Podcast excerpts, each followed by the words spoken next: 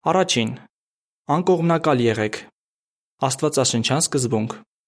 Աստված կողմնակալ չէ, այլ բոլոր ազգերի մեջ, ով վախենում է նրանից եւ արդարություն է գործում, ընդունելի է նրան։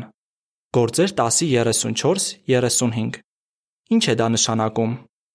Եհովա Աստված մեզ չի դատում ազգության, ռասայի, մաշկի գույնի կամ մշակույթի հիման վրա։ Նրա համար կարևորը մեր էությունն է։ Իսկապես որ մարդը տեսնում է իր աչքի տեսածը, իսկ Եհովան սիրտն է տեսնում։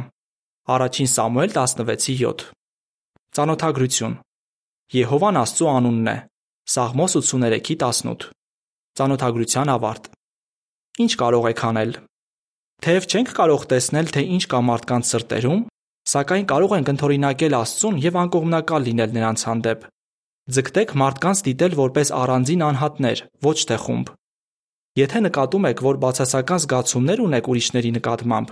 օրինակ այն մարդկանց, որոնք այլ ռասայից են կամ ազգությունից, աղոթեք Աստծուն, որ օգնի ձեզ արմատախիլ անել այդ զգացումները։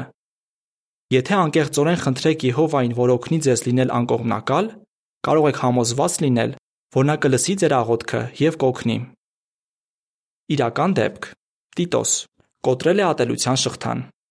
Տիտոսը վտանգավոր մի բանդայի անդամ էր, որը պայքարում էր սեգրեգացիայի, սևամորթների ու սպիտակամորթների առանձնացման օրենքների դեմ։ Նա ասում է. Կռիվ անելու նպատակով գնում էինք քաղաքի այն հյուրանոցները եւ բարերը, որտեղ սևամորթներին լավ չէին վերաբերվում։ Տիտոսը նշում է, որ ատելությունն էր դրթում իրեն այդպես վարվելու։ Նա ավելացնում է. Միշտ առաջինը ես էի հարվածում, անկախ նրանից տղամարդու հետ էի վիճում, թե կնոջ։ Երբ Տիտոսը սկսեց Աստվածաշունչ ուսումնասիրել Եհովայի վկաների օգնությամբ, փոփոխություններ արեց իր մեջ։ Աստվածաշնչի ընթերցանությունը մեծ ներգործություն ունեցավ նրա վրա։ Նրան հատկապես տպավորեց ապագա աշխարհի մասին խոստումը, ըստ որի մահ այլևս չի լինի, ոչ սուգ, ոչ աղաղակ, ոչ ցավ այլևս չեն լինի։ Հայտնություն 21:3 եւ 4։ Սկզբում Տիտոսին չէր հաջողվում ազատվել ատելության զգացումից։ Նա ասում է. Ինձ համար շատ դժվար էր փոխել իմ մտածելակերպն ու ապրելակերպը։ Բայց նրան օգնեցին գործեր 10:34 եւ 35 համարները, որոնցից իմացա, որ Աստված անկողմնակալ է։ Ինչ եղավ դրա արդյունքում։ Տիտոսը պատմում է. Ես համոզվեցի, որ Եհովայի վկաները ճշմարիտ կրոնն են դավանում, երբ տեսա նրանց միջև եղող սերը։ Նրանք սեր են դրսևորում բոլորի հանդեպ, անկախ մարդու ռասայից, մաշկի գույնից։ Մի անգամ մինչև վկա դառնալս ժողովում սպիտակամորթներից մեկը հրավիրեց ինձ իրենց տուն ճաշի։ Այդ ամենն ասես երազ լիներ։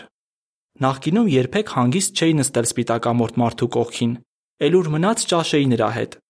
Իսկ հիմա միջազգային եղբայրության մի մասնիկն եմ։ Տիտոսի պատմության մասին ավելին կարող եք կարդալ jw.org կայքում։ Դիտարանի 2009 թվականի օգոստոսի 1-ի թողարկման մեջ։ H 28-ից 29։ Հոդվացի ավարտ։